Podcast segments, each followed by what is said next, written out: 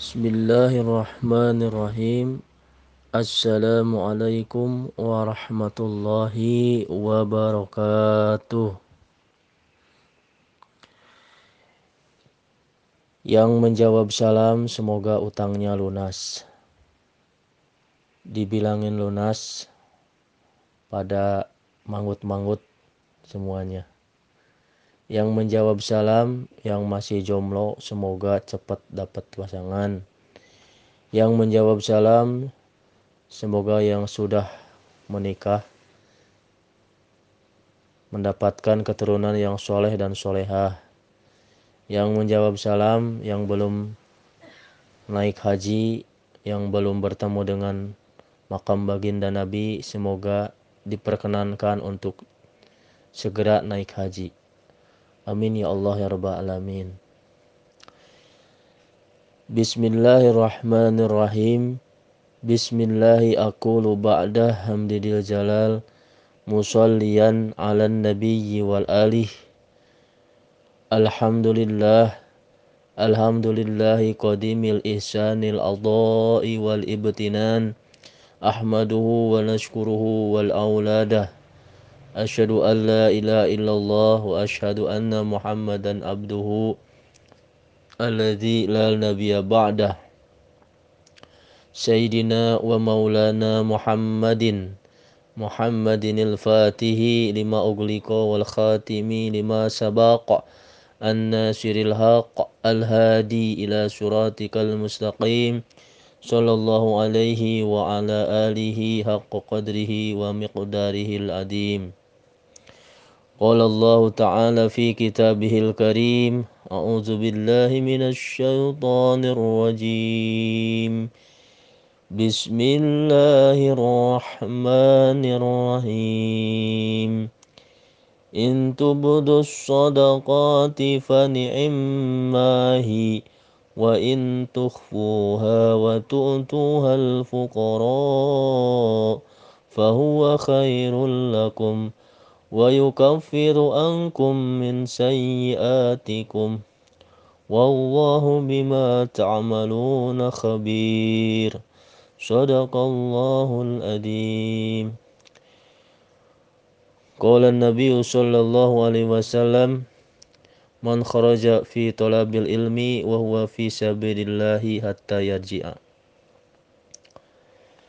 Puji serta syukur marilah kita sama-sama panjatkan kehadirat Allah yang Maha Ghafur.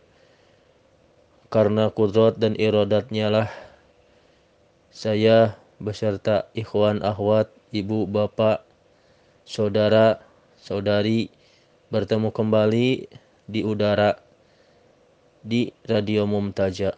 Semoga pertemuan kita mendapatkan ridho dari Allah Subhanahu wa taala. Salawat serta salam semoga selalu terlimpah curahkan kepada baginda alam Nabi kita Nabi besar Muhammad Shallallahu Alaihi Wasallam tidak lupa kepada keluarganya, kepada sahabatnya, kepada tabiin, atba'ut tabiin. Semoga sampai kepada kita selaku umatnya sampai akhir, akhir zaman.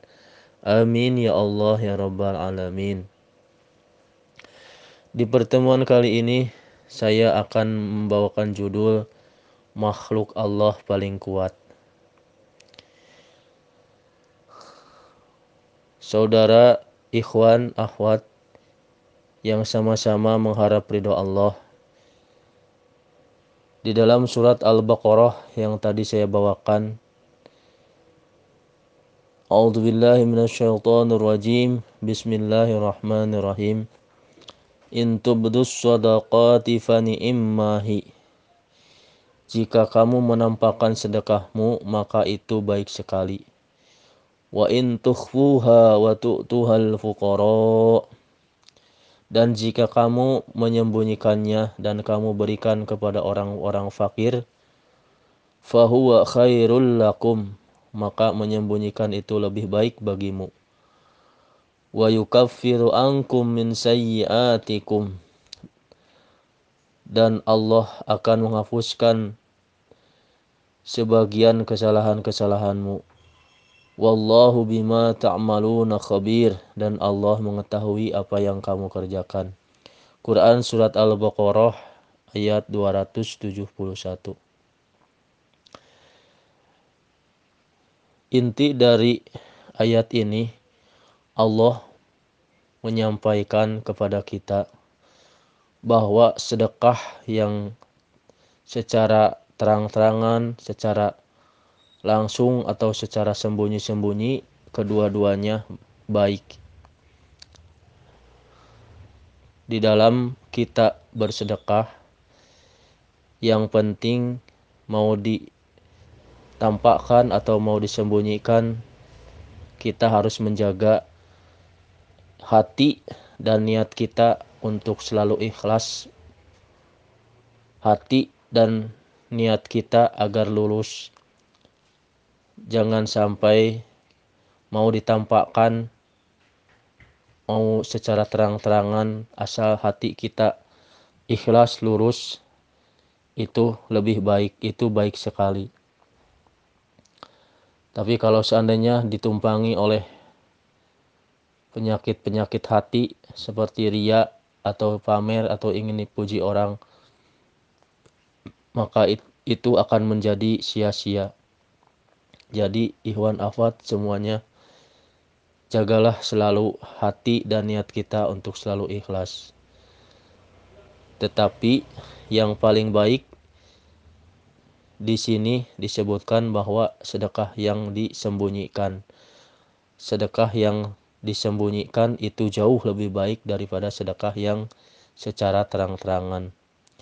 Dari keduanya itu Allah akan menghapuskan sebagian dari dosa-dosa kita. Amin ya Allah ya Rabbal Alamin.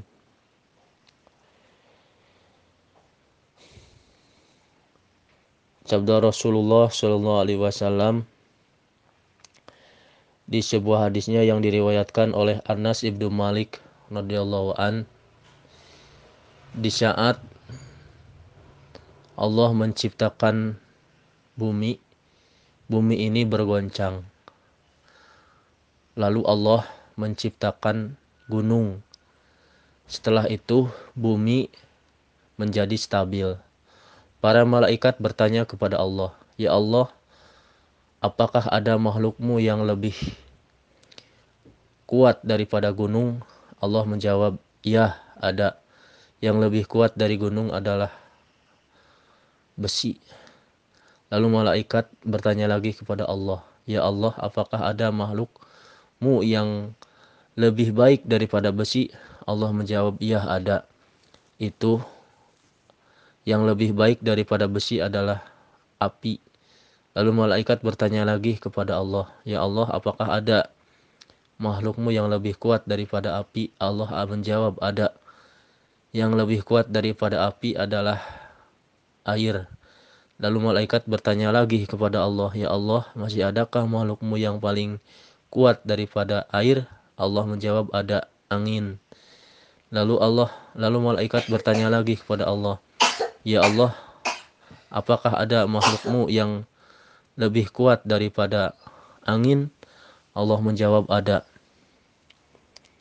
Ialah anak Adam yang memberikan sedekahnya secara sembunyi-sembunyi.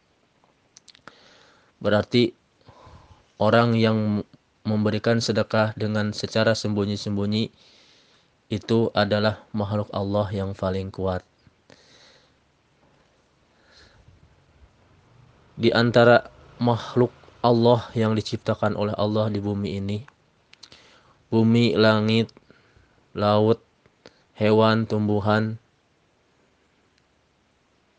lalu malaikat, jin, setan, dan manusia. Itu sifatnya fana, itu sifatnya sementara. Semuanya bakalan musnah, semuanya bakalan sirna kecuali zat Allah. Wa yabqa wajhu rabbika dzul jalali wal ikram ialah dat Allah yang akal kekal abadi, tidak akan pernah musnah, tidak akan pernah rusak. Sesuai dengan sifatnya, sifat bako. Sifat yang wajib bagi Allah nomor tiga ini menandakan bahwa kekalnya zat Allah tidak akan ada yang akan mampu untuk menandinginya laisa kamislihi syai'un tidak ada yang serupa dengan Allah tidak ada yang sama dengan Allah jangan memikirkan tentang zat Allah karena akal kita tidak akan sampai untuk mencernanya. Wa tafakkaru fi khalqillah wa la tafakkaru fi datillah. Boleh kita mentafakuri ciptaan Allah sebagai kebesaran Allah, tetapi jangan di dalam hati untuk mengetahui tentang zatna Allah sebab akal kita tidak akan sampai kepadanya. Wa tafakkaru fi khalqillah wa la tafakkaru fi zatillah. Kagumilah, sayangilah makhluk ciptaan Allah. Jangan ingin mengetahui penciptanya. Di kehidupan kita sehari-hari, kita berbagi, kita bersedekah, kita sholat, kita muamalah, kita bergaul sehari-hari, kita harus selalu sayang menyayangi, kasih mengasihi, hormat menghormati. Karena kita satu bangsa, satu agama, satu nusa, satu bangsa yang disatukan dengan ideologi bangsa kita Pancasila yang berbineka tunggal ika.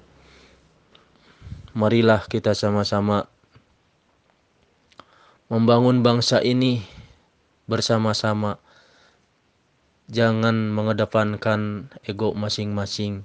Carilah kawan sebanyak-banyaknya untuk bersama-sama membangun bangsa ini menjadi bangsa yang maju, bangsa yang baldatun thayyibatun warabun ghafur.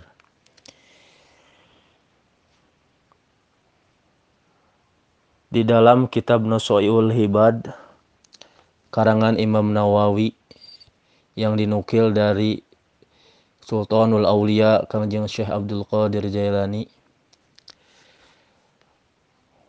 Kangjeng Syekh Abdul Qadir Jailani membagi manusia menjadi empat golongan.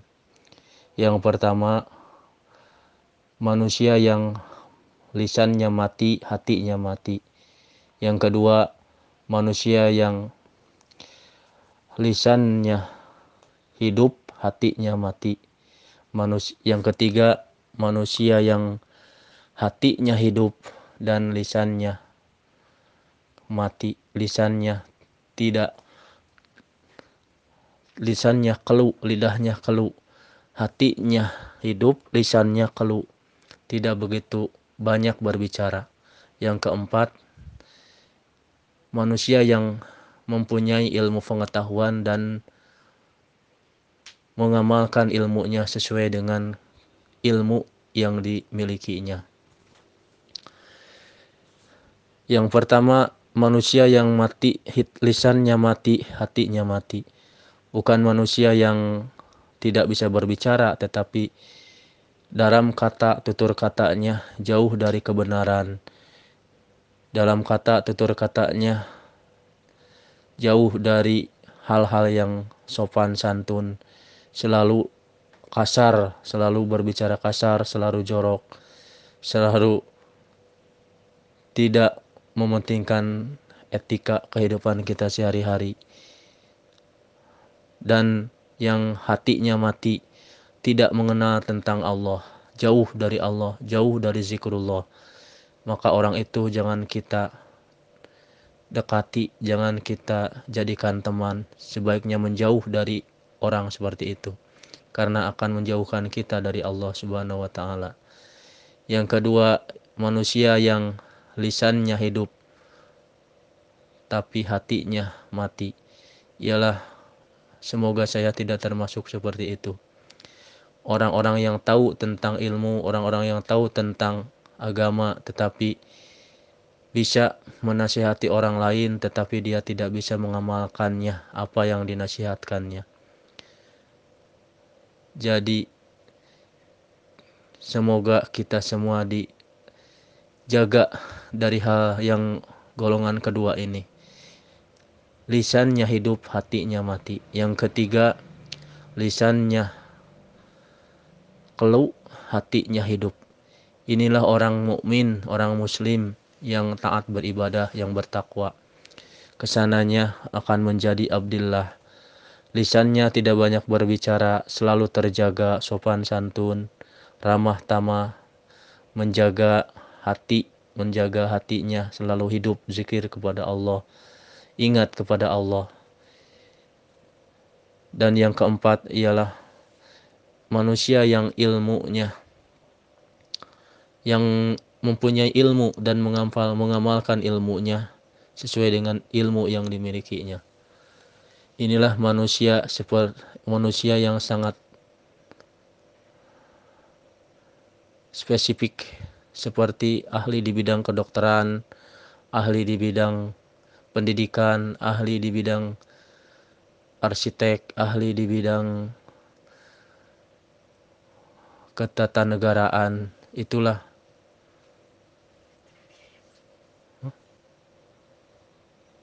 Semoga uraian singkat saya ini bisa bermanfaat untuk ikhwan akhwat semuanya. Yang benarnya datangnya dari agama yang salahnya itu murni dari diri saya sendiri. Sebelum di, berakhir, marilah kita sama-sama berdoa untuk selalu minta hidayah pertolongan Allah agar selalu kita diberikan hidayah dan taufik dari Allah Subhanahu wa taala. اللهم اهدنا صراط المستقيم. اللهم اهدنا صراط المستقيم. صراط الأنبياء والمرسلين. صراط الأنبياء والمرسلين. Billahi taufiq wal hidayah. Assalamualaikum warahmatullahi wabarakatuh.